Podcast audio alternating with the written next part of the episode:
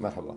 5 dakikada Beşiktaş Podcast uzun süren ve yarım kalan podcastlerden sıkılanlar için tek atımlık en fazla 5 dakika süren, hap bilgi içeren ve şaşırtan podcast serisidir.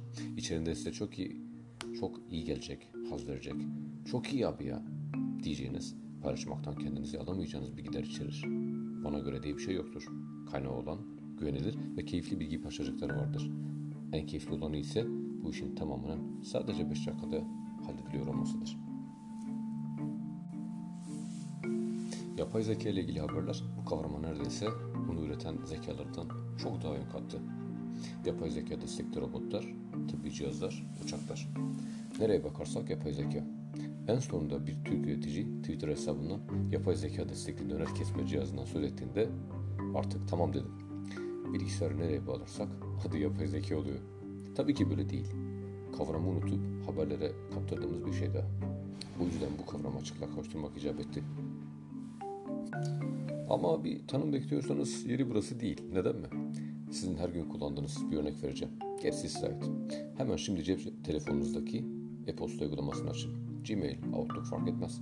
Daha sonra gereksiz mailler diye bir menü ya da klasör var.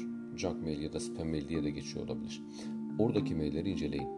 Eğer size de spam ya da junk mail geliyorsa ve oradaki maillerin hepsi gereksiz saçma reklamlar değil mi? Evet. Peki nasıl oluyor? E-mail nasıl bir e-mail e, gelen e-mailin spam ya da gereksiz mail olduğunu anlıyor? Cevap yapay zeka ile. Peki nasıl?